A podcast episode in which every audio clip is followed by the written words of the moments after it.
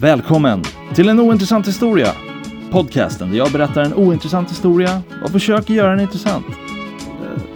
Jag försöker. Jag berättar alldeles för ofta saker för människor som de inte har något intresse av att lyssna på eller diskutera runt. Det känns som jag pratar med mig själv. Då kan jag lika gärna spela in en podcast där jag berättar om för mig själv. Målet är att bli så bra på att berätta historier att folk vill lyssna, även om det handlar om det mest ointressanta ämne du kan tänka dig. Jag och min syrra hade åkt bil tillsammans och så gick vi av och så tänkte jag så här, jag är så omtänksam som inte pruttade i bilen, men nu behöver jag göra det. Så eh, jag, jag gav lite tryck och min kropp var liksom så här, ja ah, men vi fattar vad du vill göra, du, vi öppnar anus åt dig. Och luften flög ut som den skulle och sen så var anus öppet även fast all luft hade kommit ut och då blev jag så rädd att det skulle komma en liten bajskula.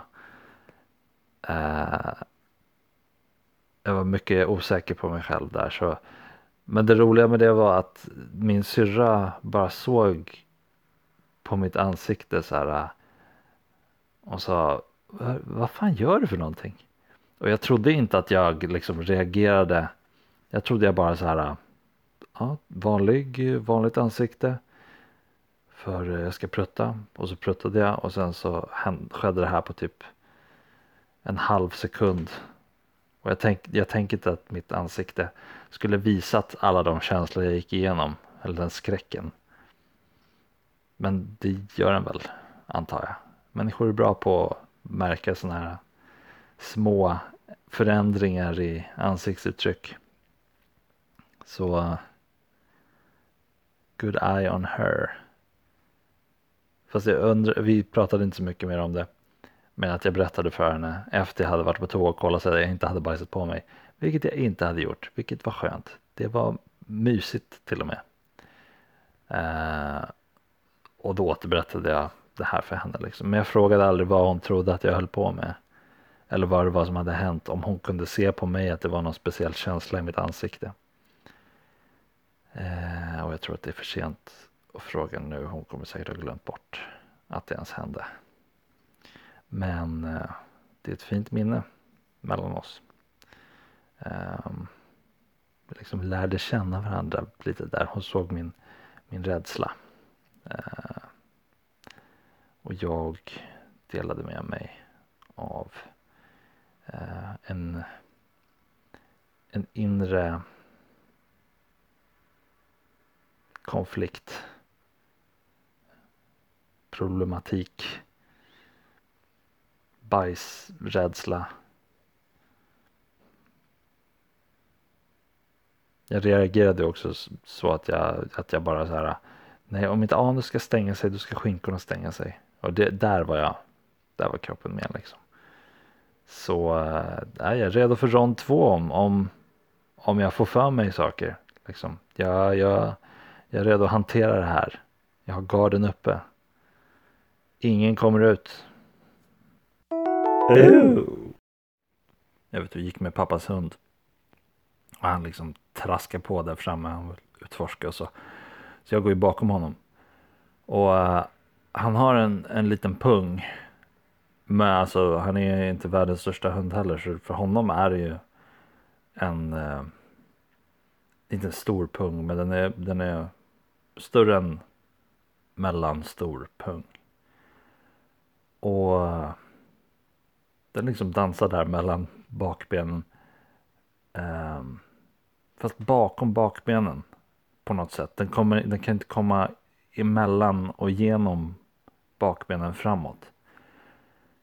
Så den liksom så här dans, den, den ser bara så här klämd ut.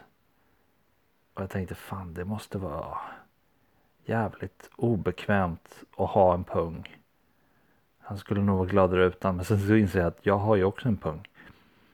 Eh, och jag har inte haft det problemet. Så det kanske bara är något som jag har aldrig sett mig själv gå bakifrån eh, naken liksom. Så det kanske ser exakt likadant ut. Fast hans pung var lite fastare än min. Så det såg bara ut som en så här eh, illa klämd apelsin Typ. Och jag skulle inte beskriva min egna pung som en apelsin. Eh, så vi har båda pungar med olika pungproblem. Jag skulle inte säga att jag har stora problem med min pung. Um, men nu när jag sagt det kommer jag säkert typ råka slå mig själv med hälen eller någonting på något jävla sätt. Men det är en ganska problemfri pung ändå måste jag säga. Där, där har jag eller någon annan gjort ett bra jobb. Jag vet inte. Sådana där grejer man ska liksom vara uppmärksam på i sitt liv. Ja, det har ett ganska bra liv. Min pung ger mig inga problem. Väldigt bra. Eller så är det bara meningen att att, att det är vanligt liksom. Ingen har problem med sin pung. Mer än, ni vet, känslig pung. Eller så har man bara lärt sig att pungen, var försiktig. Om man är så bra på att ha en pung att den, eh, den, den håller sig ur trubbel. Liksom. Men jag vill samtidigt tro att jag har en rätt bra pung som inte krånglar i min vardag. Jag kan kosta på mig att ge mig, den själv, ge mig själv den komplimangen. Det tycker jag. Jag har en bra pung. Jag hade varit ute med kompis, druckit öl och klockan var halv tolv. Eh, tog tunnelbanan till Gullmars. Som många andra gör. Eh, bland annat en man i rollerblades och ett limegrönt linne. Lite illa åtsittande på, skulle inte säga den mest eh, vältränade kroppen, men ändå inte som man behöver skämmas liksom. Men det är så här, mer mage än bröst. Och i det här linnet som var väldigt hängigt liksom så blev det lite nipple show-off. Men jag blev bara väldigt nyfiken på hur kan, hur man liksom så här, hur är hans liv? För han är rollerblades-killen med limegrönt linne klockan halv tolv på en torsdagskväll. Det gör mig glad. Det, jag vet, han finns där ute någonstans. Men jag tänker samtidigt att, att eh, det inte var ett misstag liksom. Att han bara är så här. Han, han gav sig ut för att åka rollerblades på tunnelbanan. Så jag tänker att han ville ha lite uppmärksamhet. Ska vi säga att alla, det, det är det limegröna linnet som, det är det som eh, han ger han liksom uppmärksamhet. Det vet han. Rollerbladesen kanske inte lika mycket. Men lite grann. Jag hade lite quality family time. Hängde med min mamma, min syrra, min mammas gubbe och eh, vi hade ätit middag på en restaurang i stan. Och hade ätit klart. Jättegod mat. Och uh, var väldigt trevligt faktiskt. Väldigt trevligt. Uh, så vi tänkte så här, ja, men vi kanske drar vidare och gör någonting annat. Kvällen är bara barnet. Uh, eh, och min mamma föreslog att vi skulle ta en promenad på Djurgården. Och hon sa så här, det finns ju en ny bro där. Och det tyckte jag var otroligt roligt för hon fick det liksom att låta som att så här, vi måste gå och kolla på den nya bron. Som att vi alla är så här, jaha, en bro? Och den är ny sa du? Ja, okej. Okay. Ja, vi går och kikar på den.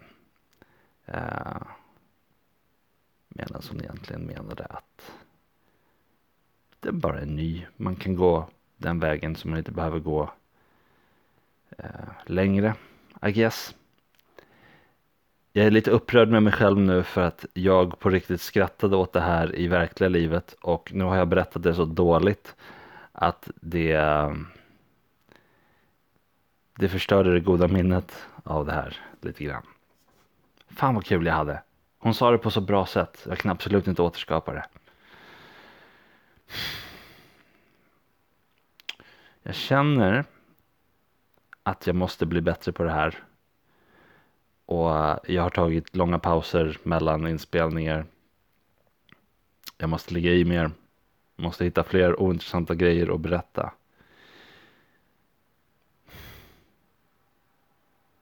Det här var ju otroligt ointressant. Så jag hade en ärlig chans, men I blew it. I blew it you guys. Jag... Eh,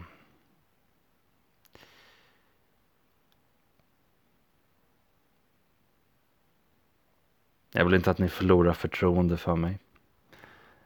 Det kommer säkert komma en väldigt bra brohistoria i framtiden. Um, vi säger så här, de kommande två åren um, ska det finnas en riktigt hejdundrande bra brohistoria. Det är mitt mål. Uh, jag vet inte om jag ska göra om introt där jag slänger in det. Att uh, det är liksom det andra målet med den här podcasten nu. En riktigt bra brohistoria. Um, känner att jag fått ut så mycket jag kan från min mamma kombinerat med broar. Så jag kanske får liksom uh, bridge out ut till eh, andra liksom uh, och prata med bror om dem. De kanske ser något kul om en bro som de har sett, ny eller gammal. Eh, så se fram emot det. Så jobbar jag. Jag kommer arbeta hårt på det här så det, det kommer bli väldigt, väldigt bra. Ooh. Såg alkis slash hemlös man eh, på Gubbängsfältet. På avstånd han stod och rot, rotade en soptunna. Eh, vi gick förbi honom liksom på avstånd. Så vi fick inte någon kontakt där. Men han nådde ändå ut för att han, han, han, sjöng, han började sjunga lite, lite lågt först. Sånt är livet. Sånt är livet. Så mycket falskhet bor det här. Den man förlorar vinner en annan. Så håll i vännen som du har kär. Han gjorde riktigt så här eh, musikal uh, fancy um, avslut. Det var, det var trevligt att han liksom inte brydde sig om att någon annan hörde.